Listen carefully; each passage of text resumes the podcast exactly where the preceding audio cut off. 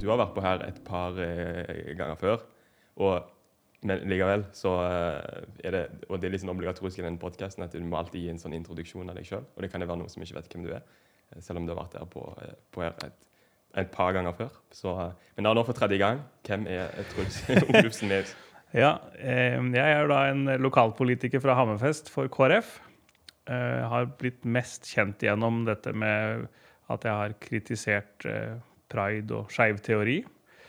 Eh, og eh, stått i en del kontroversielle medieoppslag nasjonalt på bl.a. det, men også koronahåndtering, og at jeg har vært imot eh, at vi har anbefalt vaksinering av barn med MNRA-vaksiner uten at det var medisinskfaglig godkjent. Og det ble det jo litt ramaskrik for. Og så har jeg blitt slått opp i mediene for at jeg er for kjernekraft.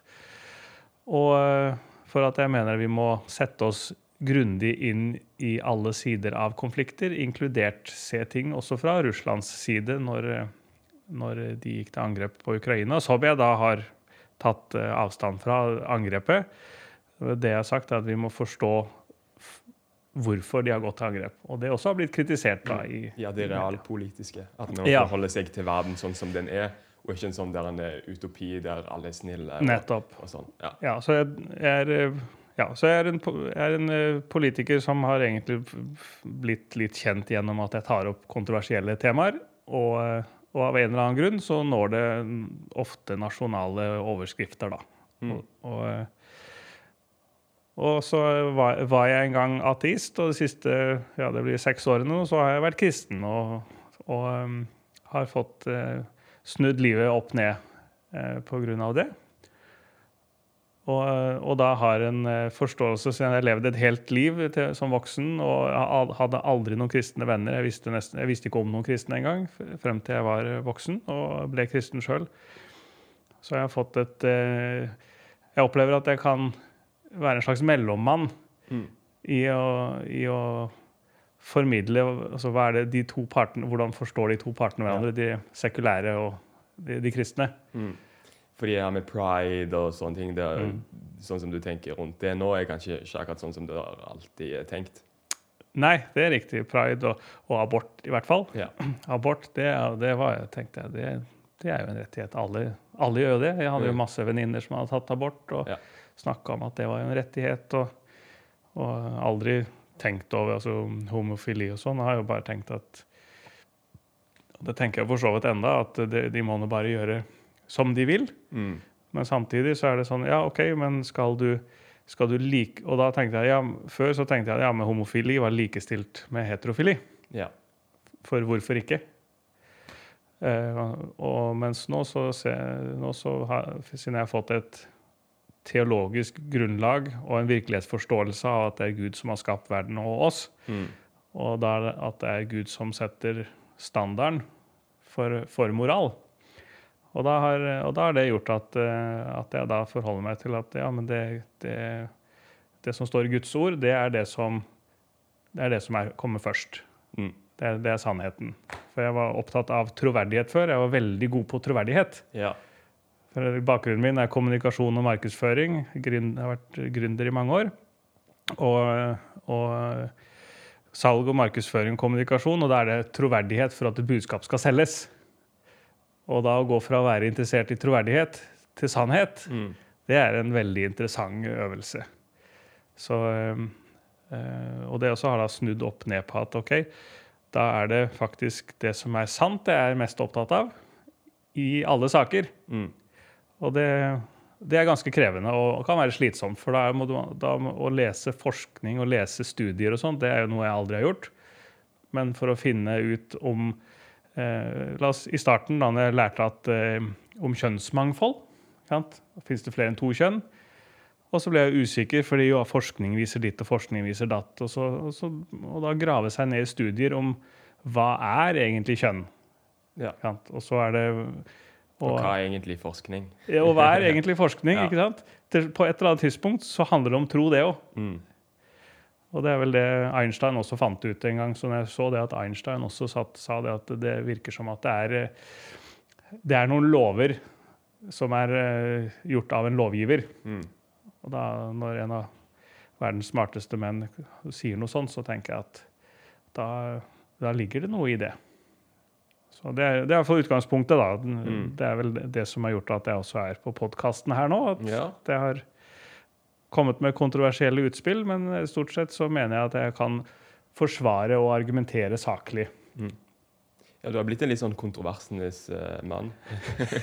Men eh, Snakker du noen ganger om noe som er ikke kontroversielt, for å si det sånn? Mainstream, liksom. Ja. At uh, her uh, Ja. Ikke eh, alt som er, trenger å være kontroversielt. Av og til så gjør jeg det litt på, på gøy i kommunestyret. Så sier jeg ja, alle her vet jo at jeg vil jo at alle skal ha det bra. Ikke sant? Og Begynner folk å le, da? Ja. sitter, Å, ja. Du ser folk har lyst til å ta Ja. ordet, men ja, ikke sant? Så, ja, så jeg sier jo av og til sånne opplagte ting at ja, jeg vil jo at alle skal være seg sjøl sånn som de er. Mm. Det er jo mantraet til det her pride-greien også. Det, det er Ja. ikke sånn at jeg ikke vil at folk skal være seg sjøl, men hvis du Mm. er en skikkelig dust Ja. så, og, og narsissistisk og alt det der, så er Mm. ikke det nødvendigvis bra. Men eh, av og til så når jeg, når jeg sier noe mainstream, så er det stort sett for å enten poengtere noe annet, eller for å, for å Mm. speile andre. Dette her er ikke, dette er ikke noe klokt. Mm. Jeg synes det er interessant det du sier med, med sannhet uh, her, da. Og jeg tenker også, det med at vi klarer å skille kategorier er veldig viktig. Fordi at eh, det virker som om folk ikke helt klarer å skille kategorier når det kommer til politikk, og når det kommer til moral og legalitet og disse andre tingene her. Det er jo uli altså, spørsmål som vi ikke kan sette sånn likhetstegn i imellom. Så du med dine verdier kan jo tenke at noe er umoralsk uten at du eh, dermed ønsker å forby folk å leve på den måten, eller ikke tolerere at folk lever på den måten. Men eh, det som vi ser nå, er jo eh, mer og mer, er jo at eh, toleranse ikke handler om bare at du skal godta at folk lever annerledes, men at du liksom må heie på det. eh, og, og eh, ja eh, velsigne det da, i tillegg. Eh, Ja, og, og media eh, Jo større media som ringer altså Mm. Tidligere så var det sånn at hvis jeg så eh, Jeg har jo 1881-appen, sånn at det dukker opp hvem som ringer. da. Og når det står sånn Dagbladet-journalist, ikke så kjente hjertepunktet hva, Ja, hva vil de nå? ikke Ja. sant? og, og, og, og det har jo endra seg veldig, for det har vært så mange, mange intervjuer og mange debatter at nå, nå har jeg en veldig trygghet når, når de ringer. Og det Mm. de forsøker på, journalistene, det er litt det du, du sa nå. De forsøker å komme med 'Dette er saken'. Eh, støtter du det, eller tar du avstand fra det? Ja. Det er de valgene du har. ja.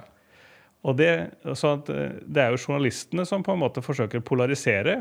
Og de gjør det særlig på internpolitiske saker. La oss, la oss si at de spør eh, meg om hva jeg syns om eh, en sak, la oss si abortsaken i USA. Mm. Og så har de samtidig ringt til mange andre i KrF for å finne noen som, Ja. som ikke er enig. Mm. Og så forsøker de, og da Og ingen av oss har snakka med hverandre. Og så har vi ulikt standpunkt. Mm. Ja. Og, så slå, og så blir oppslaget da full splid i KrF. Ikke sant? Fordi Mm. den ene går på limpinnen og tar avstand fra avgjørelsen i USA, ikke sant? Mm. for eksempel. Mens, og en annen i KrF tar, nei, det støt- støtter 100 Ja.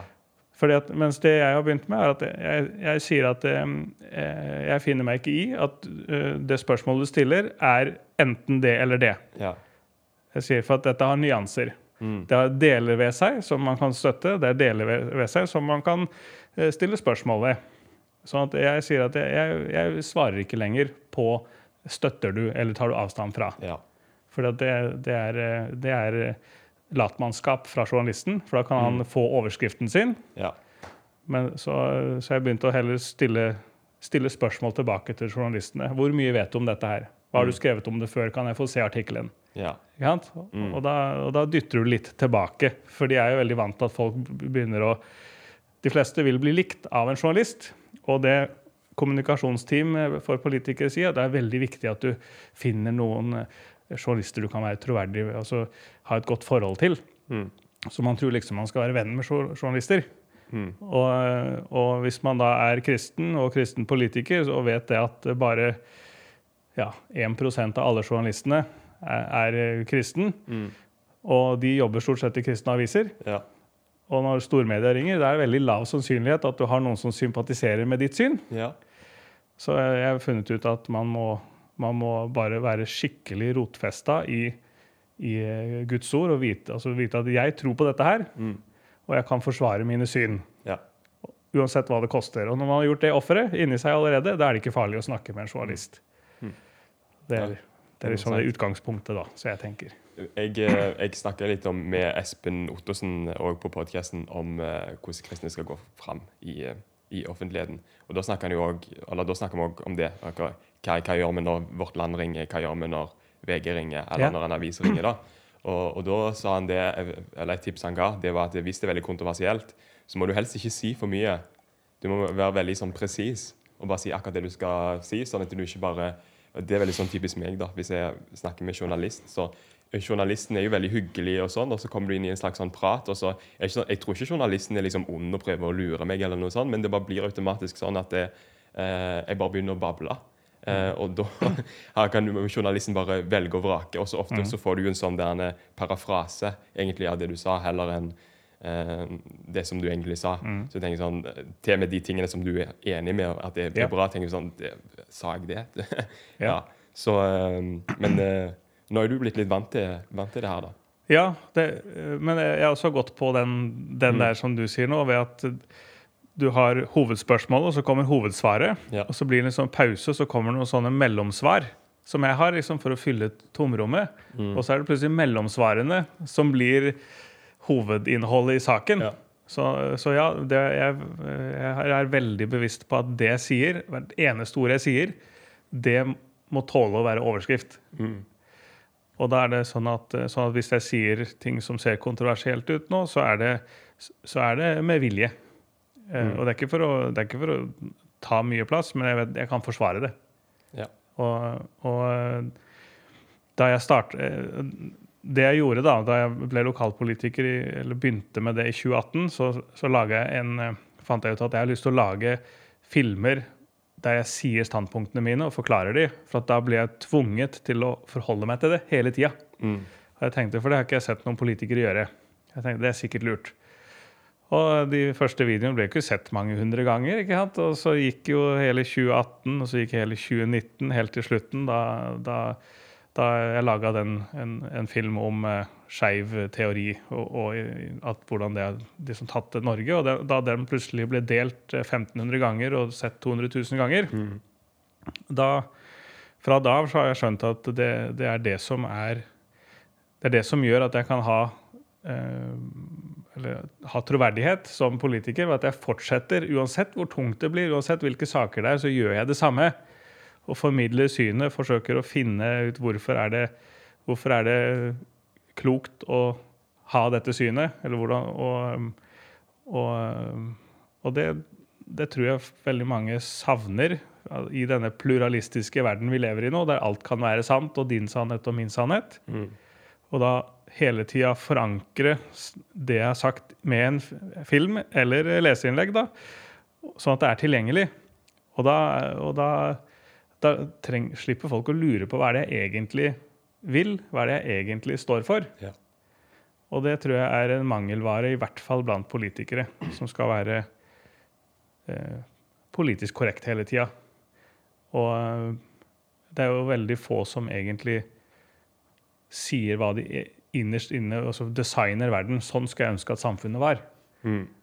Og det tar jo lang tid å gjøre, men med nok, ved å gjøre det mange ganger nok med, i saker, så, så, så tror jeg at, eh, at man får en eh, tillit. For man byr på seg sjøl. Man legger hodet klart til hogg. Og politikere skal jo helst ikke det pga. media. ikke sant? De kan Ja. ta en parafrase fra en Ja, film der. ja. Men når det blir så mange filmer, ja. så blir det veldig vanskelig også for media. Vel, Det de kan gjøre, som jeg òg har sett, er at de noen ganger dikter opp ting som ikke engang har skjedd. da. Og, og så er det så mange filmer at det, kan, det er vel sikkert sant uansett. Men uh, Det er riktig. ja, sånn er det. Jeg tenkte jo kanskje at vi kunne gå litt inn og så se på noen saker da, som uh, du har engasjert deg i. Uh, nå er vi her i, vi er i Vennesla nå. Uh, sitter her i Philadelphia Vennesla. Og i går så var det en eh, konferanse som du mm. talte på. Og der Ja. snakker du om eh, konverteringsterapi. Og vi kan bare starte altså bare fra starten. da, Hva er konverteringsterapi? For det eh, kan jo òg være noen som ikke er helt sånn kjent med det begrepet hvis de ikke leser avisen og bor under en og Ja. sånn? Eh, konverteringsterapi det, det er mest kjent som eh, homoterapi.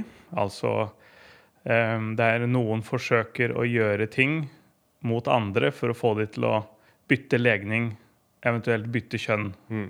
Men da er det i den, altså at en, en som eh, er homofil, eller kjenn- har homofile følelser, da, eh, så- og så går til en terapeut eller sjelesørger Mm. med, av, av den hensikt å forsøke å eh, bli heterofil eller ikke følge sine homofile eh, trang.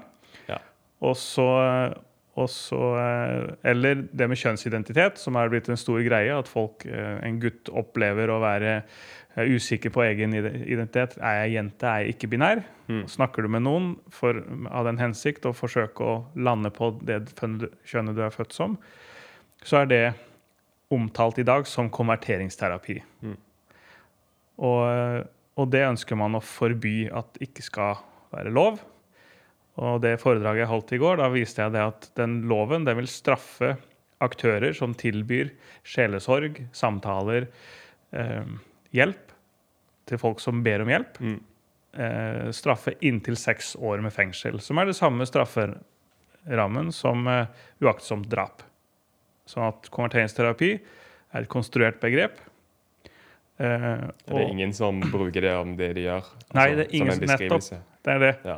Ingen som bruker det for det de gjør. Og, og da er motargumentet ja, men hensikten er den samme. ikke sant? Det er å få noen til å endre eh, sin kjønnsidentitet eller eh, seksuell orientering. Men det gjelder bare det gjelder bare én vei, dette her. Det er det som er spesielt med konverteringsterapi som begrep, er at det handler om å beskytte Jeg vet ikke om du, hvor godt du kjenner til religionen eh, islam, men der er det sånn at eh, det er, det er mange veier inn til å kunne bli muslim. Ja. Men det er ikke noen vei ut. Nei.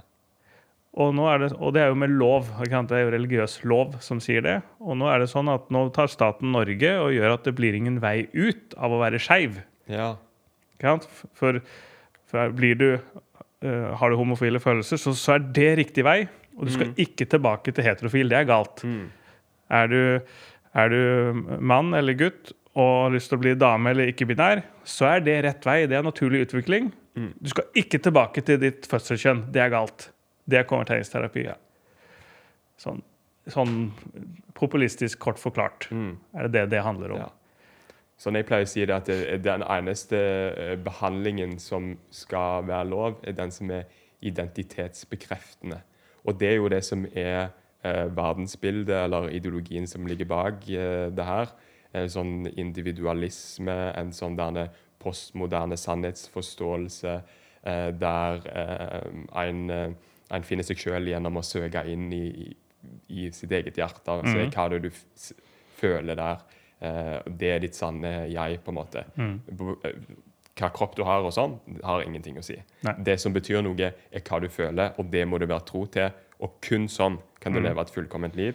Kun sånn kan du være tro til hvem du er. Eh, og hvis noen da prøver å få deg til å fornekte visse følelser som du har, enten at jeg f.eks.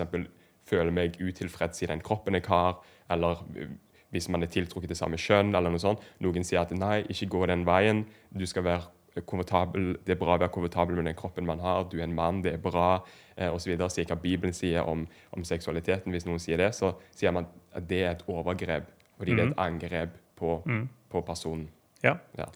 Og så, ja, og så er argumentet i lovteksten at eh, konverteringsterapi er eh, metode som har til hensikt å få noen til å endre eller så tvil om eller benekte sin egen seksuelle orientering eller kjønnsidentitet. eh, der, som kan føre til eh, psykisk skade. Ikke sant? Ja. Og, eh, men psykisk skade er eh, eh, For at det skal henge sammen i, en rettssal så er det eh, Hvis du har hatt en som sier ja, jeg, jeg skal be for deg, Mm. at, eh, be for deg om at eh, eh, om at du, en som er kjønnsforvirra, får lander tilbake i sitt eget kjønn. Du tenker at 'å, så godt, eh, godt, jeg håper at du blir gutt igjen'. føler deg som en gutt igjen og er en gutt, for det er det du er. Hvis man ber. Og så hvis man da eh, i en rettssak eh, fordi at man, Det er jo egentlig et forsøk på konverteringsterapi. Og, og straffbart dersom loven kommer igjennom. Så vil, så vil bønn og artikler og bøker og filmer og samtaler Mm. som kan lede til, til dette her, det er konverteringsterapi som er straffbart. Og Hvis man da sitter i en eh, rettssal, og så skal, du, skal den andre må kunne bevise posttraumatisk stressyndrom, at det er sammenheng med den forbønnen. Mm. Så du må kunne bevise altså Aha. en psykisk skade. Og en Ja. psykisk skade, det er jo eh, Det er eh, det, må, det må kunne ha direkte sammenheng med handling. Aha. Så har det oppstått et, eh, Ok, ja. så det For det har jeg lurt på, når, de, når det er et kriterium for de som er over 18 år, i hvert fall, i det lovforslaget, at det må kunne være egnet til å påføre Mm. psykisk skade, Ja. så har, har jeg lurt på ok, er det sånn at det skal kun ha et potensial for å gjøre det, eller Mm. må man faktisk bevise at det har skjedd? Ja, det, det mest, altså Loven er grunnlagt med at den har potensial til det. Ok, Men seks års, og det er tre års strafferamme. Ja. Men hvis du kan bevise posttraumatisk stressyndrom, f.eks., da Ja. er det seks år Sånn, strafferamme. ja. ja. Mm. Så, det, så loven tar et utgangspunkt i alt som kan føre til det. Eh, en psykisk skade. Ja.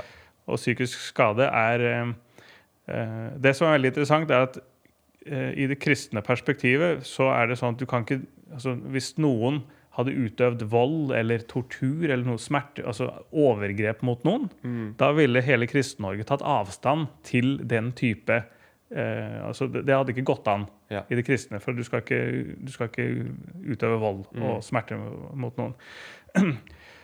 Det er noen andre retninger som, som, eh, som eh, er voldelig mot homofile for eksempel, og, og Mm. transpersoner.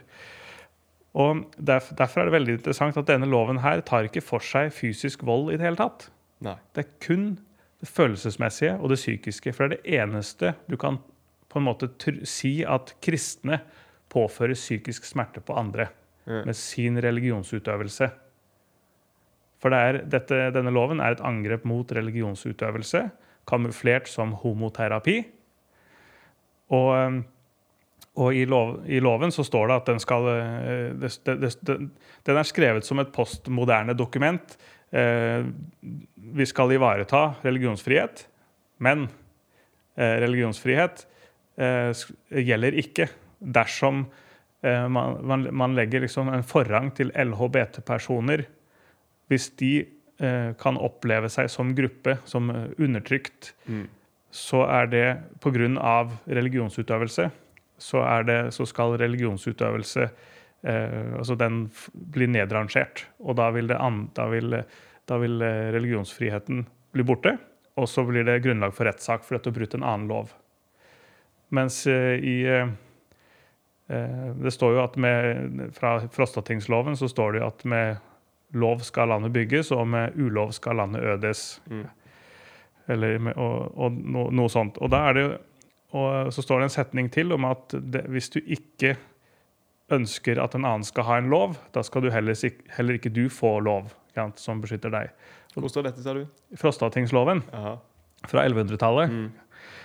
Og, og da er det sånn at uh, vi, vi er der i en situasjon med at eh, mennesker Man sier at uh, å elske noen Å elske er en menneskerettighet. Det er det ikke. Mm. Å leve ut sin seksuelle orientering er en menneskerettighet. Det er det ikke. Det er ikke grunnlovfesta engang. Mm. Men det ligger til grunn i høringsnotatet at Ja. de rettighetene skal trumfe religionsutøvelse, som er forankra Ja. i menneskerettighetene og Grunnloven. Ja. Så det er en rettighet som ikke eksisterer, som skal trumfe rettigheter som eksisterer. Ja. Det det, hva, det, er, det er så dårlig håndverk. Det er postmoderne, postmodernistisk eh, håndverk i sin rette forstand. De har ikke klart å vitenskapelig begrunne at det forekommer eh, eh, konverteringsterapi, eh, hva den handler om, konsekvensen av den, hvem som gjør det, hvilke type konvertering Så det, Bufdir sier at vi har ikke vitenskapelig grunnlag for å si hvordan. For dette snakket du litt om i går. Ja, Ja. Det, og, og, og da viste jeg jo til de stedene der Bufdir sier at vi har ikke hatt god nok tid. Vi har ikke engang kvalitetssikret studiene vi har vist frem. Vi har bare lagt frem studiene. Her er studier. Og, og så har vi ikke kvalitetssikret innholdet i studiene, for det var ikke tid og ressurser. Men det ligger til grunn i lovdokumentet. De henviser til publikasjonene som ikke er kvalitetssikret. Og, som er det ene. Og det andre er at i Norge så har det gjort en undersøkelse blant 13 aktører, bl.a. Friforeningen og Pasientorganisasjonen for kjønnsinkongruente, Skeiv Ungdom osv. Der, eh, der, der Bufdir sier at det er en indikasjon på at konverteringsterapi forekommer i Norge. Og indikasjonen der blir tolket av departementet i lovteksten at det er en bekreftelse på at det forekommer konverteringsterapi. Og den bekreftelsen, som de tolker det til, betyr at vi må iverksette tiltak for å beskytte sårbare personer. Ja. Men det er ikke det Bufdir konkluderer med. De konkluderer med at det er en indikasjon som tilsier at vi må forske mer. Ja. Mens departementet sier at nei, vi skal ikke forske mer, vi skal bare få en lov. Lovforbud mot dette her. Og lovforbud mot å markedsføre det. Du har ikke lov å snakke om det. Du har ikke lov å dele informasjon om det. Og jeg hadde jo egentlig håpet eh, at i det minste eh, Anette Trettebergstuen, da, som er kultur- og likestillingsminister, og som eh, dette er hennes departement, som Mm. er ansvarlig for den loven, at man kunne være litt mer sånn ærlig på hva eh, det er man gjør. Fordi at I alle spørsmål hun får av journalister Ja. på vil ikke dette gå ut over eh, religions- og ytringsfriheten, Mm. du sier bare eh, nei, det vil ikke det. Det her handler jo bare om eh, eh, å forby overgrep. Og jeg kan ikke forstå at noen har lyst til å gjøre, begå overgrep over noen. Eh, Det er sånn type sitater som hun kommer med. Eh, Og så stiller journalistene bare de samme spørsmålene i hver runde. Og Mm. tenker ikke at kanskje vi må stille på en litt annen måte for det skal komme liksom, til grunn i det som er um, ja, sannheten her, da. Mm. Men uh, så Det er en ting som jeg faktisk jeg virkelig har irritert meg over. At man ikke i større grad har bare lyst til å være ærlig om hva det er man egentlig gjør. Men du ser jo veldig tydelig forskjellen her mellom det lovforslaget som har kommet nå, Mm. og, og det lovforslaget, første lovforslaget. Fordi at eh, Først så hadde du jo den her eh, serien på VGTV, Ja. homoterapi. Det var i 2019. Og det er jo sånn de fleste egentlig har hørt om Ja. den termen i Norge, mitt inntrykk. Mm. Og så hadde de eh, stemte de over der i Stortinget Ja. om uh, hva skal vi gjøre eh, med det her. Og da ble det stemt ned et forbud Mm. mot uh, homoterapi, at du skulle ha det, eller konverteringsterapi, som handler både om seksualitet og kjønn. Men man skulle ha en utredning. Mm. Så hadde de en utredning. Og da var det jo eh, jurister og sånn som sa det at eh, ja, kan ikke ha et forbud for folk som er eh, voksne, Mm. fordi det vil gå imot eh, Grunnloven, det vil gå imot eh, menneskerettigheter. Mm. Og hva sa da venstresida? Eh, det har vært Høyre-regjering da, Mm. borgerlig regjering. Eh, eh, venstresida de sa at dette er bare en aldersgrense på overgrep. Brydde seg ingenting om hva jurister hadde sagt om menneskerettigheter og sånn. Og så ser vi jo da, i det nye lovforslaget som kom, eh, så er det eh, ja, ganske radikalt eh, strengere da, enn mm. det som vi hadde i, i, med Solberg-regjeringen. Der det ikke er bare opp til eh, 16-18 år at mm. det skal være forbudt, men òg videre. Hvis det da kan, sånn som vi har sagt tidligere, er noe som kan føre til ikke, Psykisk skade. Psykisk skade, ja. Mm. Husker ikke akkurat hvordan den formuleringen er. Eh, men du har sett, eh, sett det, vil jeg anta. Ja, Forskjellen på de to lovforslagene for å ta det kort, er at Mm. i det første, som kom i fjor fra borgerlig regjering, så var bekymringen min da at eh, lovforslaget så ut og hadde til hensikt eh, å ramme den største gruppa som utøver konverteringsterapi. Og ifølge brukerundersøkelsen var det foreldre Ja. til barn med kjønnsforvirring Mm. eller kjønnsinkongruens. Mm. Og det var jo fordi at Friforeningen og Pasientorganisasjonen for kjønnsinkongruente, som er tidligere ansatte i Friforeningen, Mm. som legger til grunn at hvis foreldrene ikke tror på barnet, når det kommer ut med at du, jeg er ikke binær, så sier foreldrene nei, dette vokser du av deg. Eller hva er det for noe? Ikke sant? Mm. Det, da så du Da var det eh, konverteringsterapi. Det var enten behandlingslignende handlinger som hadde til hensikt å få noen til å endre kjønnsidentitet, men det kunne også være enkeltepisoder. Og det handla om hvilken autoritet den som uh, utøvde konverteringsterapihandlingen. og når da den undersøkelsen viste fra disse organisasjonene at foreldre var den største gruppa som utfører konverteringsterapi, forsøk på konverteringsterapi. fordi at når barnet kommer hjem og plutselig er ikke-binær, Mm. eller uh, agender eller noe sånt, og så er reaksjonen Hæ? Det- Dette her, dette her tror vi ikke på. Ja. Da sår du tvil Mm. om kjønnsidentiteten, og det er ikke lov. Det er konverterings... sant? Eller får dem til å fornekte seg, eller du, eller du skulle benekte og si at de ikke fikk lov å skifte kjønn. For dette, dette tror vi går over. Mens, så det var min bekymring da, at dette vil ramme foreldrene. Men i nye lovforslaget så er det sagt at foreldre som, som vil nekte barna sine kjønnsbekreftende behandling, i gåsetegn, eh, de er unnlatt denne loven. De sier at ja, det gjelder ikke. Foreldre har lov å nekte barna sine pubertetsblokkere. Mm. Som 12-åring og 13-åring og 14-åring. Benekte at de ikke kan starte med kjønns, eh, medisinsk prosess med kjønnskorrigerende behandling. Eh, Men så er det jo det, lovteksten sier jo det at dersom det fører til psykisk skade, så er det konverteringsterapi. Mm. Så hvis foreldrene da benekter barna sier nei, men du får ikke starte med pubertetsblokkere, og så går barnet til helsesøster og jeg blir psykisk syk fordi jeg får ikke lov å skifte kjønn og være meg selv sånn som jeg er, Ja. ja, da får du jo psykisk skade, da, potensielt. Da må du dømme det. ja. Så, så foreldre er fortsatt en målgruppe, men den er bakt inn så at det ser ut som ja, se, vi det gjelder ikke foreldre. Men det gjør det, fordi loven sier det sånn. Ja. Og da det som har skjedd nå, nå er det kristne, det er religiøse aktører som er målgruppa med denne loven. Mm. At religion Nå er det, nå er det ethvert forsøk på å få LHBT-personer til til og med synd er nevnt i lovforslaget. Aha. Ikke sant? Hvis man sier at det er synd, Mm. så vil det LHBT-personer som gruppe bli rammet med dårlige følelser og sånt. Mm. Og det er, eh, det er Det kan man ikke tillate, står det. Altså det er sa- i samfunnets, jo, samfunnets interesse.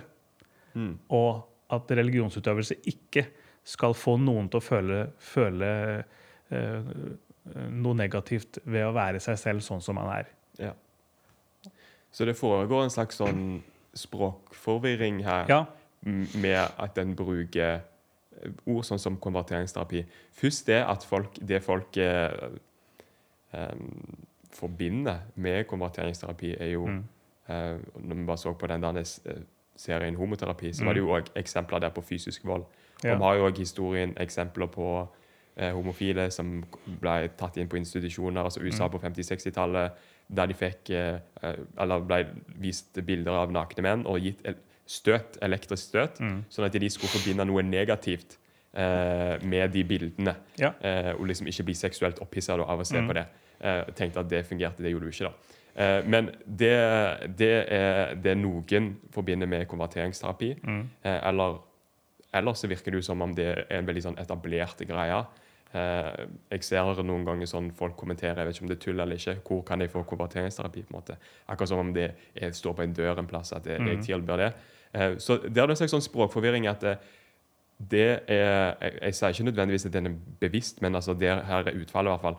At eh, folk har inntrykk av én ting, eh, mens det man prøver å forby, er, er, er noe annet. ja. Og, og det som vi ser, da, og som du nevnte, er jo at det er jo kristne. Eh, eller religiøse folk som tenker det, at eh, det fins en gud som har skapt verden, og det har Mm. noe å si for vår seksualitet. At det er ikke bare at vi skal søke inn i vårt eget eh, Mm. hjerte liksom, og være tro til det, men det fins noe ut forbi oss sjøl, verdier og sånn som vi skal leve og omfavne. Eh. Og når det oppleves som vanskelig, altså hvis du sier noe sånn, det er det som man prøver å eh, gå imot da, med Ja. et sånt forbud. Sånn som Ja, det, det, er, helt, det, er et, det er et eh, angrep mot, uh, mot eh, kristen religionsutøvelse og kristen seksualmoral. Mm. Det, det er det fordi at mål, målet til eh, mange av de skeive interesseorganisasjonene er jo et samfunn uten skam. Mm. Ja, skam altså Skamløsprisen er jo en pris som Sex og Samfunn lanserer årlig nå, Mm. som handler om at den som klarer å redusere eller fjerne seksuell skam. Ja. Så kan du si at ja, men skam er jo ikke en hyggelig følelse, kanskje. Mm. Uh, og så har jeg prøvd å søke og finne ut dette her. eh, Hvordan skam eh, altså er det, er det bare, Bør det utryddes av samfunnet? Og så fant jeg på, på psykolognettsteder som sier at ja, men skam er veldig effektivt for virkemiddel for å ikke være utro. Ja. Han- men Ja, for, hvorfor ikke? Ja, fordi at du føler skam ved ved at eh, han, Hvis du blir fristet av, av, til utroskap, så, føler, så, er det skammen ved å bli oppdaget. Mm. Skammen ved dette her, det, den blir så stor at du, du er ikke utro. Det er liksom det beste eksempelet jeg kan komme på, som handler om seksualitet. Da vil sikkert de bare si at vi skal alle være polyamorøse. Nettopp. Ja. ja, fordi at det finnes bare positiv seksualitet. Ja. Det er det man skal dyrke. Siste undersøkelsen nå, seksualvaneundersøkelsen av Oslo universitet, eh, Eh, har i 2020 gjort en stor undersøkelse ikke, der de ikke har publisert hele undersøkelsen.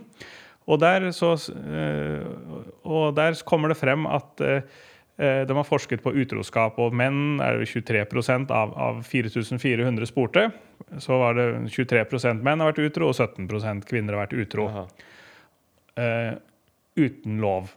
Men 3% har vært utro med velsignelse av partneren. Mm.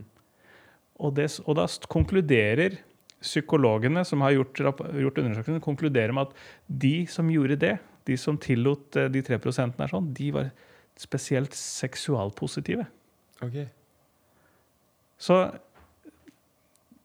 så jeg, skal, jeg, jeg har, er på en mailkorrespondanse med hovedforskeren. Mm. Så jeg, jeg, skal nå formulere et spørsmål for å forsøke å ramme dette her inn. Hva betyr det? Hva mm. er det der, de tre prosentene som er seksualpositive, som, som tillater utroskap? Mm. Er det et ideal? For seksualpositivt høres jo positivt ut. Mm. Er de andre seksualnegativ hvis man ikke tillater utroskap? Ja. Og det er en del sånne rapporter som nå er jeg syns er veldig spesielt å lese. Fordi at flere og flere akademikere har seksualitet som en sånn greie. Mm. At, at uh, hvis ikke du har god seksualitet, så har du dårlig psykisk helse. Mm. Snakk om seksuell helse. Nettopp. Ja. Seksuell helse. Veldig sånn merkelig begrep, egentlig. Hva i alle dager er det det betyr? Og så skyver vi ned på veldig sånn unge barn, fordi ja. alle har en seksuell helse. Nettopp. Akkurat som de har en fysisk ja. helse. Ja. Alle har seksuell helse. Mm fra før de er født. Ja. Uh, og det er et nytt begrep så alle bare hva? Og da må mm. du ha spesialkompetanse på dette, for de fleste har jo ikke hørt om det. Ja. Og da er det skeive interesseorganisasjoner, det er normkritisk seksualundervisning, og det er sexologi. Mm. Og de som fremmer dette her, det er organisasjoner som får 100 millioner i statsstøtte i året. Det er, det er fri, man, Friforeningen kjenner man, og Skeiv Ungdom. Men Sex og Samfunn får 25 millioner, får like mye som Friforeningen. Og Sex og Politikk som har da det opplegget som heter Uke 6, som alle skolene skal igjennom. Mm. De også, Det er normkritisk seksualundervisning, det er skeiv teori. De vil det samme. De mener det samme på alle høringer i Stortinget om seksualitet. Når det handler om at de vil ha tredje kjønn. Mm. De, vil, eh, de, vil, de, vil, det samme som Friforeningen. Um, du har folk som sitter i styret i Sexologiforeningen, som sitter i utvalg for kjønnsmangfold i, i Psykologforeningen, som jobber på Universitetet i Agder eh, med, som eh, lektor i sexologi. Altså det, er, det er liksom en gruppe mennesker, en liten elite, som definerer hva seksualitet er mm. i Norge. Og, og, det er, eh, og det er ingen som stiller kritiske spørsmål til det. Og det er det barna skal lære. All seksual, seksualundervisning i dag i skolene bygger på normkritikk, bygger på skeiv teori og dette med flytende seksualitet og sexpositivitet. Mm. Og at uh, abort, det er en rettighet. Å elske den man vil, er en rettighet. Leve ut sin seksuell, seksualitet er en rettighet. Og et godt sexliv er en menneskerettighet, står det på ung.no. Mm. Det er løgn. Det er ikke ja. det. Det er ikke menneskerettigheter. Mm. Men de jobber, det er ni fulltidsansatte i skeive interesseorganisasjoner som jobber den, mot Den europeiske menneskerettighetsdomstol, som jobber i Genéve for å få inn mer skeivt som menneskerettighet. Skeiv teori som menneskerettigheter. Og det, og det er jo faren, fordi at i det øyeblikket seksuell helse blir en menneskerettighet, for det er det man jobber med nå, mm. da vil kristendommen og kristen seksualmoral bryter menneskerettighetene. Da blir insentivet og argumentet for at nå kan man faktisk stenge ned og tvinge eh, Pastorer kan ikke si det lenger. Det kan ikke forkynne Bibelen, for da bryter du menneskerettighetene. Ja. Og når vi kommer dit, da blir det ganske interessant å være kristen. Mm. Eller mer interessant enn Ja. en, en vanlig. Jeg tenker at det er veldig viktig at, eh, og det er det jeg prøver å gjøre med denne podkasten her, å snakke om det her som noen ganger kalles for eh, ideologi, eh, men som jeg tror vi kan kalle for ideer.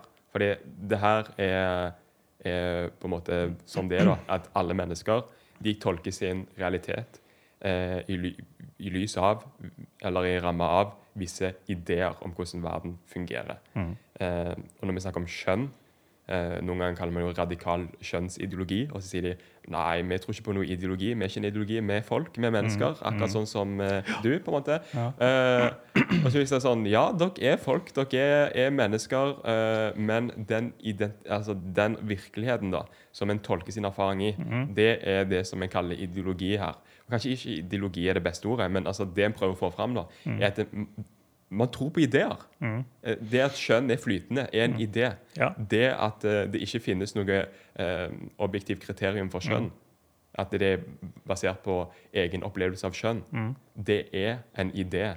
Ja, Og- som du er overbevist om. Så Ja, det blir en overbevisning. Mm. Og da må man kunne eh, kritisere det uten å bli eh, kalt for eh, ja, hva skal jeg si, umoralsk. At du er ond, på en måte. Du, altså det er jo det som ligger i transfob, er jo eh, Det er en sånn form for moralisme. Der en ikke går på det som du sier, at det, er, eh, det er galt, eh, det er feil, men bare kaller deg for umoralsk. Hopper helt over eh, det trinnet eller steget å faktisk argumentere, eh, og heller gå på personen da, sin moral. Jo, men det, det, som, eh, det som kjennetegner totalitære ideologier, er at eh, de etablerer nye absolutte sannheter. Nye absolutte sannheter som ikke kan kritiseres. Mm. Og eh, nå har det liksom det, dette, dette med kjønnsmangfold er blitt til en ny absolutt sannhet. For at hvis du utfordrer det, da er du hatefull. Mm. Da, da, da utøver du vold mot mennesker. Du påfører selvmord. Ja. Sant? Det, det er det som eh, også blant annet jeg har hørt. Så det er blitt absolutte sannheter for at alle skal ha det bra. Så må man omfavne dette kjønnsmangfold, for da, da blir alle inkludert. Mm. Og, um, og jeg tror det er, eh, det er det som er med denne eh, med totalitære ideologier òg, er at de har, eh, de har til hensikt å tilsidesette kristen tro. Så, så forskning på, på, på nazismen og fascismen og kommunismen, marxismen, Mm. disse ismene her, er totalitære ideologier. Eh, Man omtaler det som det, totalitære ideologier. Men eh, ifølge totalitarismeforskning så er det et nytt begrep som brukes, og det er, eh, eh, det er politiske religioner. For de har religiøse trekk. De skal ta over den, den, den eh, teologiske sfæren. Altså trossfæren tar de over. Mm. Eh, og, og det er det som er eh, kjennetegnet med en mer moderne tro. Ikke sant? Og, og, det, og der, derfor savner jeg egentlig at disse som er ekspert på dette her La oss si professor Øystein eh, Sørensen fra Bergen, Universitetet i Bergen, han har skrevet en bok om dette temaet. Og eh, jeg hadde gjerne skulle ønske at han forsøkte å ta dette begrepet politisk religion og se om bitene faller på plass med det jeg kaller skeiv ideologi. da. Mm. Og jeg, og jeg tror han ville blitt overrasket hvis han bare visste at nå er det sånn i alle deler av samfunnet, for det er et kriterium at ideologien skal inn i alle deler av samfunnet, og det er politikk i alt. Mm. Og, eh, etabler, og absolutte sannheter skal ikke stille spørsmål ved. Eh, love is love. Transkvinner er kvinner. Yeah. Ikke sant? Eh, ingen er fri før alle er fri. Mm. Han, sånne her absolutte mantraer. Og så, og, så det har Det er så mange kriterier, men når man ikke, når man ikke vet hva ideologi er, og man ikke vet hva tro er, men eh, man vil la alle være seg sjøl sånn som man er, og så bare er du med på denne tidsånden og bare gjentar mantraene. ikke sant? Og ja, jeg vil ikke noen vondt. Alle må få leve, leve som seg sjøl. Og jeg feirer kjærligheten. Se, jeg Mm. vifter med regnbueflagget. Og det er eh, sånn at Jeg tror de fleste er veldig ubevisst. Og Derfor tenker jeg at det vi må legge til grunn, er doktor Daniel Kahneman sin, sin forskning, som sier at det finnes ikke upåvirket tilstand. Jaha. Hva er du påvirka av? Ja. Og folk er ikke bevisst på hva de er påvirka av. Mm. Og det tenker jeg sånn som den podkasten her og det jeg driver med, det er å egentlig peke på dette her. Ja. at det man sier, og sånne enkle klisjeer, ofte òg har et idégrunnlag under som det må være lov å, å, å påpeke. Ja. Men eh, det, det du ser, da, at når du påpeker det, så eh, Som jeg sa i stad, så eh, er man ikke interessert i å møte det argumenter, men heller med fordømmelse. Mhm. Og da er man driver man med konspirasjonsteorier, Ja. da driver man med, med alt mulig. Og eh, mye av den her eh, retorikken har jo du òg møtt, Ja. har jeg sett. Men det, men det er ikke rart det blir sånn, for de kaller seg sjøl, og de forteller til alle som følger, at vi er en menneskerettighetsbevegelse. Ja. Og så kritiserer noen en menneskerettighetsbevegelse. Mm, for noe som er bra, det kan ikke være dårlig. Nettopp. Ja. Så du, så, du, så du vil ikke at vi skal ha menneskerettighet? Vi er jo en menneskerettighetsbevegelse. Det er positivt. Så kommer du og sier noe negativt. Ti stille. Mm. Få det bort. Kan ikke noen sensurere? Og det er jo kanskje det vi også burde inn på dette med sensur etter Oslo-skytinga. Som, ja. som eh, Mm. Kjør på. Jeg opplevde, jeg har stått i denne debatten noen år om pride-kritikk og kritikk av skeiv teori og politikk. Mm. Og så opplevde jeg en vanvittig altså Det er akkurat som noe snudde nå i vår. Det var veldig mange kritiske røster som kom frem. Ja. Og i hovedstrømsmedia snakka om det var på nyhetene og på Debatten. Mm. Og så, og så plutselig nå så og, så og så tenkte jeg at det, det har snudd, tenkte jeg. Nå er vi faktisk på, på rett vei med at vi kan belyse det kritiske. Og så plutselig så skjer eh, disse, denne Oslo-skytinga der to blir drept og mange blir skadet. Og det er et forferdelig angrep. Og det som skjer da, rett i kjølvannet av det, er folk begynner å leite etter syndebukker. Og de syndebukkene blir pekt på er pride-kritikere. Folk som nører opp under hatet. Folk som sprer hat og konspirasjonsteorier. Konservative kristne. Og, og det er jo sånn som han redaktør Dan Bichoy i Subjekt. Han er jo ikke konservativ kristen engang. Han er, nei, han er jo ja, han ja, bare er en journalist. han, er, ja, han sier som driver journalistikk. Nettopp. Og, og han får skylda, og han er jo homofil sjøl og kaller seg liberal. Og, og, og sier at ja, men man må både kunne kritisere eh, pride og kunne kritisere terrorhandlinger.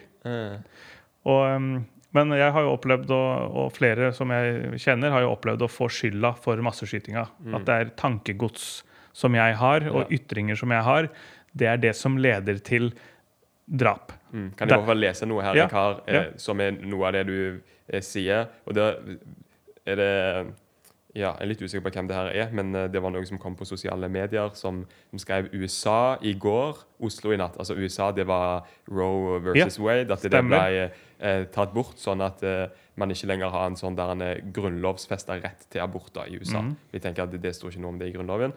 Eh, og så fortsett videre. Dette er konsekvensen at vi lar noen kalle pride en ideologi. Av at rasistene, homofobene, kvinnehaterne får spalteplass og taletid. Folk blir drept av det.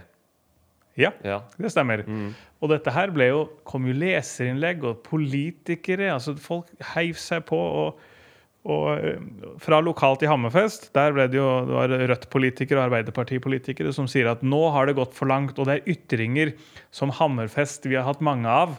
Ja. Det er slike ytringer som i ytterste konsekvens fører til drap. Og nå er det på tide at de som ytrer, har tenkt å ytre seg, tenker seg om mer og, og tier stille. Så de, vi har hatt veldig mye av Hammerfest. Ja, Jeg tenker på deg, da. de, ja, ikke sant? De tenker jo på meg. Det, det, det er særlig det. Så den, det er jo meg uten at de sier det er meg. Og så sier de, sa den Rødt-politikeren at nå er det på tide at media tar sitt ansvar og ikke gir spalteplass til sånne som, leder, som gjør at andre kan drepe folk. Ja. Det er jo regelrett sensurforsøk. Og så blir det applaudert av andre politikere lokalt, som sier at ja, kan, det, det, må være grenser til hva vi skal tåle. Det må være sosialt uakseptabelt med slike ytringer. Vi må få det bort. Så, så de forstår ikke at det er totalitært tankegods de har. Og det de vil, er at de, de gir da skylda til ytringer som kritiserer politikk. Så fordi du kritiserer politikk, som innføring av et tredje kjønn, eller man ønsker å reversere denne nye loven om at man kan endre kjønn med et pennestrøk, kritikk av det er hat. Mm. Og det skal man ikke få lov å hate. Og da må man ut av mediebildet, så man vil ta bort alle motstemmer som kritiserer en politikk. Ja. For det er det det handler om. eh, Det, det, det i hvert fall jeg har kritisert mest, har vært politikk og dårlige ideer. Aldri menneskegrupper eller personer. Det er, det, det er, så, og da når, når vi ser at eh, man får skylda for dette her, og, og folk ikke sier imot altså det, er, det er det jeg reagerer på, særlig, særlig lokalt i Hammerfest. Der er, der er det jo veldig det, Arbeiderpartiet har hatt 70 oppslutning i politiske valg i 100 år. Og, og folk er redd for å si imot det majoriteten ser ut til å mene, da. Og da, da blir det totalitære tilstander med at, med at hvis majoriteten opplever at én krever sensur, og så sier ingen imot, da kan det gå gjennom sensur, da. Og det er det som Det er det, det, er det jeg eh, kjenner på en eh, urolighet for, at det vil komme enda sterkere forsøk som har til hensikt å få folk som våger å ytre seg, til å eh, drive aktiv selvsensur gjennom enda strengere cancel culture og enda strengere lover. Og der, og der Jeg vet ikke helt veien ut av, ut av det, men jeg tror, det vil, jeg tror nok det må komme et oppgjør på en eller annen måte som gjør at eh, man, man får sett det objektivt. Hva er det egentlig vi holder på med? Mm. For sånn som det er nå, så, er, eh, så er, virker det som at det er så mange blindsoner. Særlig på de som ivrigste og mest eh, synlige supporterne til eh, skeiv teori. da. Ja, det virker som man er veldig eh, utopisk da, på en sånn måte at eh, eh, Problemet med å være utopisk tenker jeg, er jo at dette er jo ikke en perfekt verden der eh, alt går perfekt akkurat sånn som vi vil. Folk tror på eh, ideer som er skadelige for de sjøl og for andre. Folk er onde, de gjør onde ting. Um, hvis vi forventer at alt det skal forsvinne bare vi gjør rett, eller hvis vi ser på eh, negative utfall som et bevis på at vi ikke gjør alt rett, eh, da må vi kjøre full Nord-Korea, full Kina for, for å komme der vi, vi skal. da. For hvis det skal være helt trygt, eh, så kan vi ikke ha ytringsfrihet og religionsfrihet lenger. Hvis det skal være helt trygt, så er vi nødt til å ofre fri debatt. Så er vi nødt til å ofre sannhet. Og det er det vi ser nå. at vi skal ikke lenger, altså Journalister kan ikke lenger gjøre jobben sin og stille kritiske spørsmål til, til pride, som er en sosial bevegelse. Det er en folkebevegelse som eh, handler om mer om bare godhet. altså Dambi Choi pleier å si det at det, det er òg indre spenninger innad i selve bevegelsen. Ja. Så skal ikke han som journalist lov, eller redaktør da, få lov til å eh, påpeke det. Skal liksom late som at det ikke fins. Um, og, og det samme tenker jeg med, med kjønn. Um, skal en bare late som om det folk fremmer, ikke er ideer? Mm. Uh, er, det det som er liksom synden i verden? Å legge merke til uh, ideologi og legge merke til ideer som folk, uh, folk fremmer? Ja, det, ja, og det er fordi at vi bygger den, eh, den eh, En del av denne skeive ideologien handler om interseksjonalitet. interseksjonalitet. Og det interseksjonalitet, hvis ikke man har hørt om det, så bør man bli kjent med begrepet. Fordi at regjeringen har laget handlingsplaner som bygger på interseksjonalitetsprinsipper. Og det betyr at det finnes måter å bli diskriminert på ved at eh, det er eh, mange kan ha flere minoriteter ved seg. Ikke sant? La oss si at eh, en minoritet er da hvis du er, La oss si at du, du er homofil. homofil. Og eh, Nei, du, er- du, er, du er eh, lesbisk Ja. og transkvinne. sant? Da er du Ja. både transkvinne og lesbisk. Og hvis du i tillegg har uh, mørk hud, så, så er det en minoritetskompleks. Og hvis du i tillegg mangler en fot, da har du det også. Det in invalidkomplekset. Og Melaninrik heter det forresten. heter det det, ja? Ja. Ja, Så det er ikke lov å si det jeg sa. Nei, Og, og hvis, du, hvis du har disse, disse, disse kriteriene, og så har du enda flere, kanskje du, kanskje du til og med har samisk eh, blod Ja. Sånn at, sånn at du, du har alle disse tingene som da handler om at det er man må, man må tolke at hvert menneske kan ha flere usynlige ting de kan bli diskriminert for. Ikke sant? Så, så, og det handler om at da skal staten forsøke så godt de kan å ivareta alle disse nyansene minoritetsgruppene som man ikke egentlig ser. Ja. Det er interseksjonalitet. Og hvis man går den hele veien ut, hvis man skal, skal gå interseksjonalitet hele veien ut, så er hvert individ en minoritet. For det er ingen akkurat sånn som deg. Ja. Og da går Staten kan ikke ta hensyn til hvert eneste individs behov og følelser. Det går ikke. Så den, den her interseksjonalitetstankegangen med at det finnes usynlige variasjoner av diskriminering Og diskriminering er jo, det skal vi ikke ha i samfunnet. Ja. Men når, når på ytterste konsekvens så er jo da hvert individ diskriminert på et eller annet nivå. Fordi vi er en minoritet i oss sjøl. Ja. Så det er en absurd tanke. Men det er den interseksjonalitetstankegangen som lovene vi har nå, skal iverksettes for, så at ikke noen blir diskriminert for sin seksuelle orientering eller sin, eh, sin kjønnsidentitet eller kjønnsuttrykk. For diskriminering det er det verste som kan, som kan gjøres. Ja. Folk er jo ikke lenger redd for vold og drap. Det er diskriminering som er det som skal bekjempes. da. Som, som står i veien for en paradis på jord for alle. Og, så, og denne diskrimineringen her, den handler jo om diskriminering basert på, på gruppeidentitet. Og det er det som er hele verden baseres på, som et sånn der objektivt faktum, en sånn absolutt sannhet som man ikke kan stille spørsmål til. Eh, for å ta et eksempel, da. Eh, tredje kjønnskategori, utredning eh, av, eh, av, den. Eh, der skrev de jo i eh, jeg vet ikke hva man kaller de ulike tingene, altså høringsnotat eller noe sånt, mm. at de eh, Det skulle ut på høring. De ønsket innspill på denne loven, men eh, utredningen skulle ikke gå inn i grunnleggende spørsmål om hva det vil si å være mann eller kvinne, eller rene biologiske diskusjoner. Stemmer. Ja, eh, Som er veldig interessant, for dette her skal de jo utrede. Skal vi ha en, kjøn, en, en tredje kjønnskategori?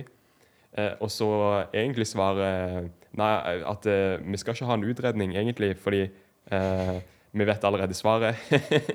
vi, eh, vi, vi baserer det, og det står faktisk at de, eh, de skal ta utgangspunkt i eh, egen opplevelse av kjønn. Mm. Så det som er mest grunnleggende for diskusjon, det skal vi ikke diskutere, og så kaller vi det en utredning. Vi skal ikke Ja. diskutere egentlig hva kjønn er, mm. men vi vil likevel utrede om vi skal ha en tredje kjønnskategori. Ja. Ja. Og det du, det du skisserer der, det er det som er symptomet for at vi er i et samfunn der ingen tar ansvar for beslutninger eller for endringer. Mm.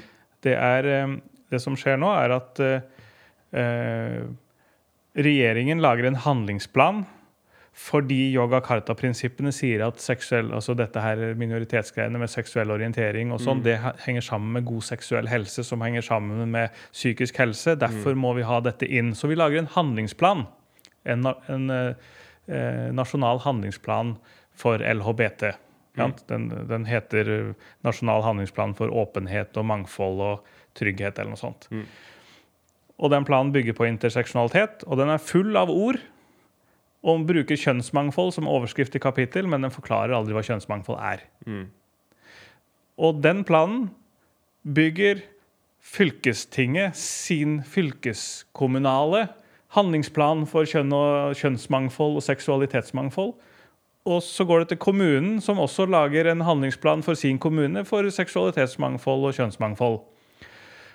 Og jeg, jeg har jo stilt spørsmålstegn ved vår eh, rådmann så- som skulle lansere en sånn plan nå. Og så sier de, og, og, og vi skal begynne å uta- utarbeide planen, og da sier de vi må ha en plan fordi det henger sammen med at regjeringen har en handlingsplan. Da må vi ha en lokal handlingsplan som gjenspeiler dette. Og dessuten så matcher det også rammeplanen for skolene og opplæringsplanen.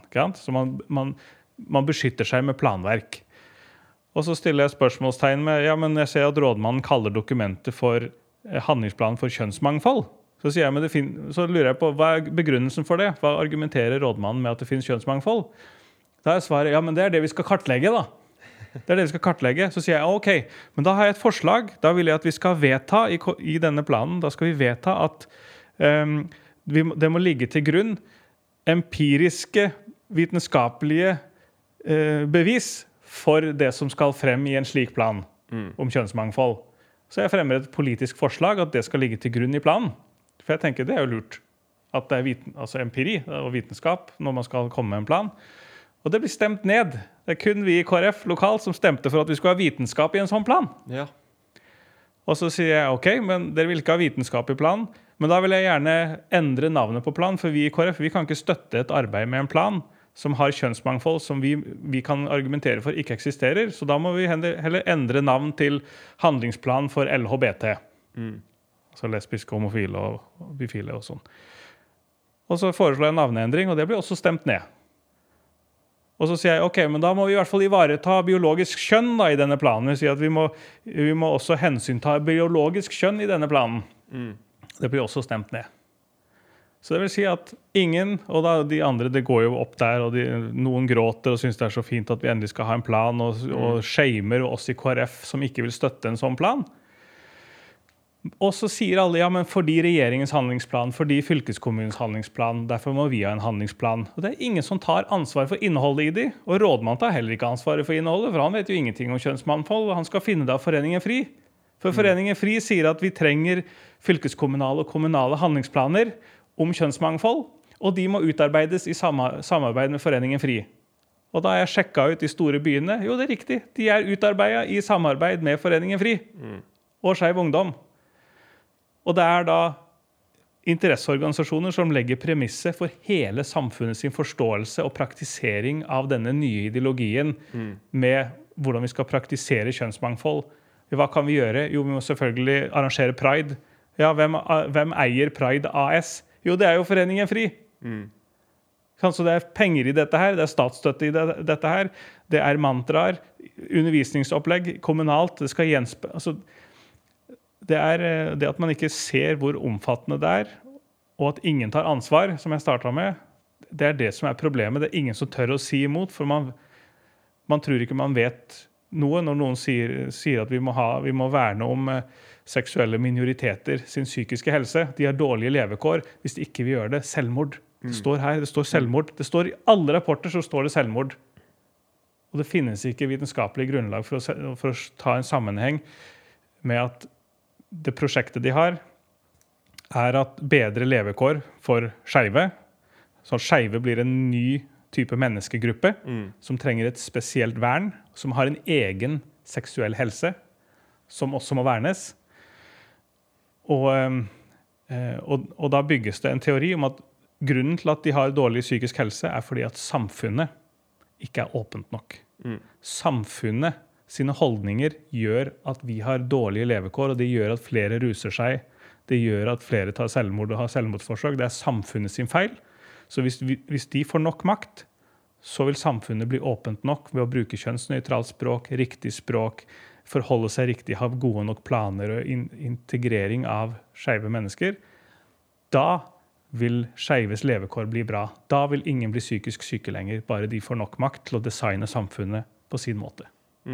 Og når man skal undersøke dette, sånn som eksempelet jeg ga i, i stad, med utredning av en tredje kjønnskategori, så legger en premissene til grunn eh, først, uten noen diskusjon rundt premissene. Og så bruker en eh, premissene igjen, så det går liksom i en sånn sirkel. At en undersøker med bakgrunn noen premisser. Og så sånn Oi, der har vi jo bekrefta de premissene som vi bare antok på, på forhånd. Og så kaller vi det for utredning, og så kaller vi det for, for vitenskap. Ja. Eh, og det er bare at alle er så samla rundt sånn visse premisser og en viss sånn type eh, vei og på en måte pride og det er eneste måten å være imot eh, ondskap holdt jeg på å si. Syns jeg er veldig polariserende. Bare sånn det eksempelet som vi snakker om nå, med um, skytinga i Oslo. Mm. Eneste måten du kan være imot det, er eh, gjennom å liksom heise pride flag, Ja. ta fram det. Um, og folk sier sånn Se, nå, nå ser vi hvor viktig det er med pride. Nettopp. Um, det høres jo på en måte litt sånn fint ut med Ja, OK, ja, vi må stå opp imot dette her. Se, nå ser vi hvor viktig det er med pride. Jeg kan på en måte være sånn med på den tanken eh, fram til jeg begynner å tenke meg litt om. Og, og, og egentlig ser at det er noe av det mest polariserende du kan si. Er å si at eh, måten jeg tenker på, er den en, er de eneste måten å stå opp imot denne uretten som har skjedd. Da sier du egentlig at um, Altså, Jesus sa at uh, hvis du ikke er med meg, så er du imot uh, mot meg. Eh, men det er bare Jesus som kan si det, fordi han er perfekt. Men med andre mennesker vi tyr til systemer og, og ideologier og Ja. ideer som er uperfekte. Der vi må ha en viss ydmykhet for at og i hvert fall i et sånn pluralistisk og liberalt demokrati som vi lever i, så tenker folk ulikt. Og det er ikke sånn at fordi at eh, du ikke er med på pride 100% på alt som det står for, eh, så eh, kan du ikke være imot terror. Nei. Um, Nå, nå har ikke jeg det husker, Jeg husker ikke alle disse gode skriftstedene, men dette med å rive ned tankebygninger eh, også står en plass. Jeg husker Mm. ikke, vet ikke om du kjenner til Vi hvilke skal rive ned tankebygninger som eh, reiser seg mot troen på Kristus. Ja. Ja. Og dette med stolthet og sånn henger i dette her, da. Altså, mm. altså, eh, at det er stolthet som på en måte holder disse tankebygningene sammen. Mm. Og å rive ned disse tankebygningene, det er, det er jo det, det, det, er det er det vi står i nå. Det er det jeg også tenker at eh, som jeg sa i sted, denne podkasten og det arbeidet jeg og mange andre gjør, det er, handler om å rive ned disse tankebygningene som bygger på skeiv teori og på dårlige ideer. Mm. Og hvis man da, men det som er at media, eh, som da er privatisert og eid av noen, og mange har samme eiere? De, de formidler et narrativ. Og NRK også formidler et narrativ om la oss kalle det sexpositivitet. Eh, og er kjønnsbekreftende. I, at alle dette med kjønnsidentitet og at man kan skifte kjønn. Og hele dette narrativet, hvis man da, når stormedia promoterer det, det dette, er, dette er bra, dette er vanlig, det, normalisere alt. Og hvis du ikke vil være med på det, så er du imot det. Så, litt det som, eh, så de på en måte adopterer det Jesus sa. Hvis ikke du er med oss, så er du imot oss. Og da skal vi ta lover, sånn at ikke du får lov å si det. Vi skal ta ytringsfriheten din, og vi skal helst ta omdømmet ditt. Så ingen vil ha noe med deg å gjøre. Du får ikke inntekter, så at du sliter skikkelig. Det vil vi helst for deg. Mm. Um, det er det, den liberale sida som krever toleranse og åpenhet. De krever ly at vi andre er lydige til dem. Mm. For at, eh, og det er det som er det kritiske her med å tåle. Toleranse om å tåle eh, handler jo om å tåle noe man ikke liker. Mm. Men den liberale sida, for å kalle det det, de, de har vridd på det. sånn at nå handler det om at du skal, du skal, du skal like det vi liker. Mm. Og gjør du det ikke, så er du hatefull. Ja. Så det holder ikke. Toleranse jeg eh, vet ikke hva lenger betyr. De tror at det handler om at du skal like det. Men saken er toleranse handler om at du skal ikke like det, men tillate det. Mm. Og derfor er det sånn at venstresida skal ikke like vi som er imot dårlige ideer, Mm. men de skal tolerere det, men det gjør de ikke. Mm. Det er der vi er. Ja. Og Kristin Clemet, hun er, er ja, litt mer på høyresiden, kan vi si, leder for eh, eh, den liberale tankesmien. Liberal i litt mer sånn klassisk forstand. Eh, altså ikke liber- liberal som i progressiv, men eh, Mm. eh, liberal som i frihet. Eh, den liberale tankesmien eh, Civita, Ja. hun har skrevet bl.a. i Subjekter andre plasser eh, at toleranse faktisk handler om det å, å tåle noe som egentlig eh, eh, ja, ikke faller en så veldig naturlig. da. Mm. Eh, og at, ikke bare, at vi skal bare godta alle som eh, fordi vi syns det er så positivt og bra at liksom det som er definisjonen av eh, toleranse. Mm. Mm. Men tiden eh, går, og vi Ja. må nå komme mot en slags sånn avslutning eh, etter hvert, og du skal videre, og jeg skal spille en ny podkast om eh, 40 minutter. Men eh, eh, jeg tenker litt at vi òg kunne bare snakke om eh, tida framover og tida som har vært i, i Mm. KrF, og hvordan, eh, det er. Fordi du er fylkesleder i eh, eh, KrF, eh, eh, Troms og Finnmark, Mm. og, men det er du ikke nå lenger. Og mye sitter at det, i, i partiet KrF så er det jo folk som mener ulike ting, og kanskje ikke alle som har vært eh, helt med da, på en sånn type sånn, veldig sånn tydelig eh, stil som du har hatt. Mm. I hvert fall det bildet jeg har fått av å lese i media, så får du heller nyansere det. Kommer an på hvilke medier man leser Ja, også. Okay. Du har, eh, du har eh, eh, Vi hadde et retningsvalg i 2018 da, da han eh, Hareide, som var partileder, han ville at eh, KrF skulle samarbeide med venstresida. At vi Mm. skulle samarbeide med sosialister, med Arbeiderpartiet. Mm.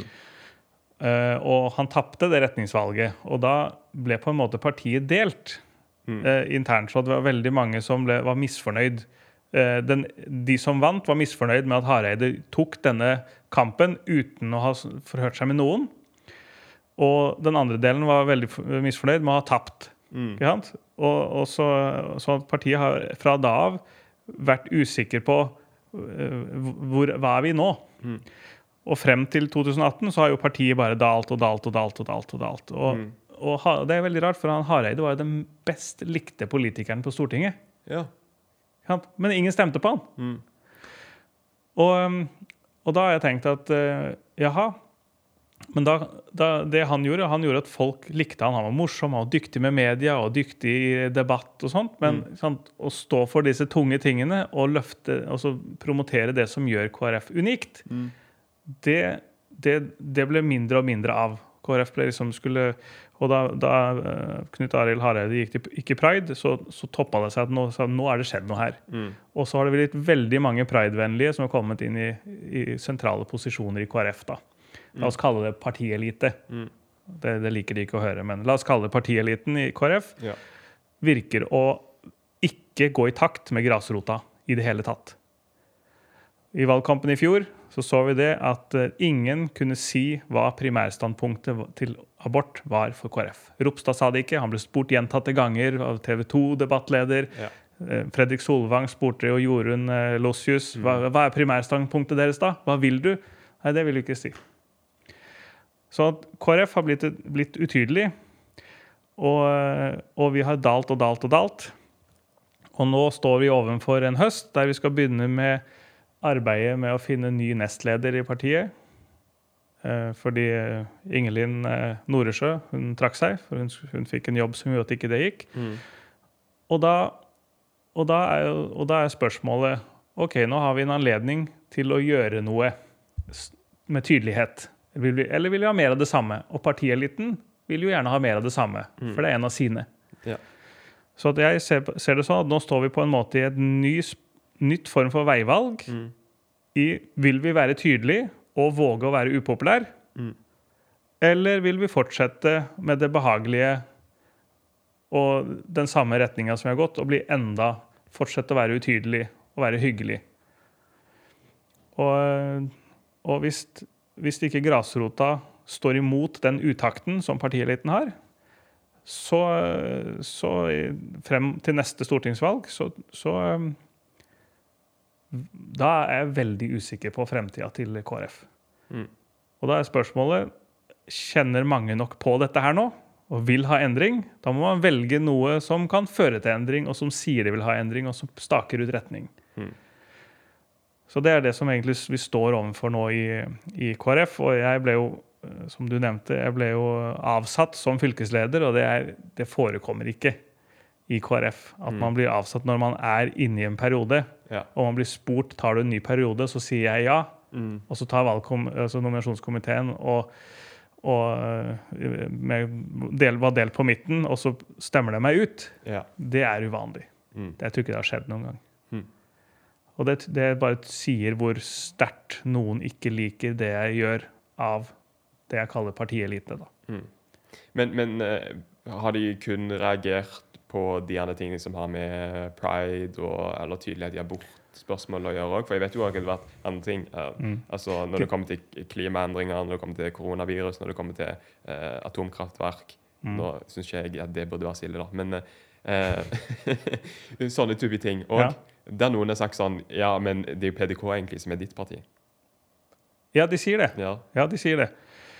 Men saken er at jeg er jo en av de, en av de få, kanskje den eneste lederen i KrF, som sier hva jeg mener om mange saker. ja. Og så, og så begrunner jeg det, og jeg har skjønt at jeg må begrunne det mer i partiprogrammet. Så det har jeg begynt, begynt med senere tid. da, og, ok, hvor, ja, Der fant jeg noe jeg kan bruke i partiprogrammet. Mm. Og de kunne ikke kaste, altså avsette meg hvis jeg bare var tydelig på dette med abort og, og kjønn og pride og sånt. Ja. Men de, de likte ikke det. For det de egentlig sa i, eh, i dette her eh, møtet hvor jeg ble, ble avsatt, så var det det at jo, du er utrolig god til å påkalle oppmerksomhet på deg selv. ja. Så, og da er spørsmålet ja, men når partiet ikke står for noe, ja. det er det ingen som er interessert i å påkalle oppmerksomhet på det heller. Mm. Så du må, jo ha, du må jo ha tydelig lederskap som gjør at partiet blir interessant. Mm. Men det er, eh, men det, det, det er noe jeg har fått kritikk for. At jeg da eh, De, de sier at jeg, jeg er god i påkall oppmerksomhet. Det handler om meg, sier de. Mm. Og det er kanskje for at jeg har en utradisjonell måte å gjøre ting på. Ved den tydeligheten. Og så plutselig havner jeg mye i media, og så sier jeg ikke akkurat det eliten helst ville jeg skulle si. Mm. Ikke på den måten. Det kunne vært rundere i formuleringene. ikke sant? Og så er det jo mange i partieliten sånn som mener at den, det pride-standpunktet som jeg har tatt, det, har, det skader partiet. Ja. Og da har jeg gjort en, altså, gjort en evaluering. At ja, men jeg vet at grasrota vil ha dette her. Jeg får jo støtte fra lokallagsledere over hele landet. Mm. Jeg har vært i mange møter med lokallag, og, og, og, det er jo klart at de sier at nå må ledelsen på banen. Så sier jeg ja, men da må dere si det. Dere må ta kontakt. Og så jeg da representerer et tydelig KrF Mm. som tør å løfte frem de politiske ukorrekte, som, som vil våge å være upopulær, som har vist at jeg tåler å stå i medias søkelys, og at jeg kan være i debatter på bortebane. Og, og, og det er kanskje det partiet trenger nå. Men det må grasrota bestemme, og det er grasrota som har ansvaret. Og hvis ikke de tar ansvaret, så kommer partieliten bare til å ta mer av det samme Ja. neste runde òg. Mm. Eh, Vi må avslutte nå, Ja. men eh, siste, siste spørsmål, da. Rent konkret, hva er dine planer da framover? Og litt i lys av det som du sier nå. Ja, jeg er jo så heldig å ha fått eh, jobb i Kristent ressurssenter. Ja. Så de, der får jeg jo da jobbet mer med verdispørsmål. Jeg får jobbe mer med å reise rundt og fortelle om eh, ja, dette, hvor vi er på vei politisk. Hva vi kan gjøre som alternativ. Så, så, og det er det jeg kommer til å fortsette med. Og, og jobbe, jobbe med. Og det passer veldig godt med den rollen jeg tenker at KrF-partiet også bør ta. For at vi trenger en kulturendring. Så jeg jobber for kulturendring og er villig til å ta personlig ansvar for at de skal få en kulturendring. Det var det vi rakk. Men uh, tusen takk uh, igjen for uh, nå, tredje episoden, og lykke til videre. Tusen takk for at jeg fikk lov å være igjen. Det er så flott, og lykke til videre med podkasten. Takk.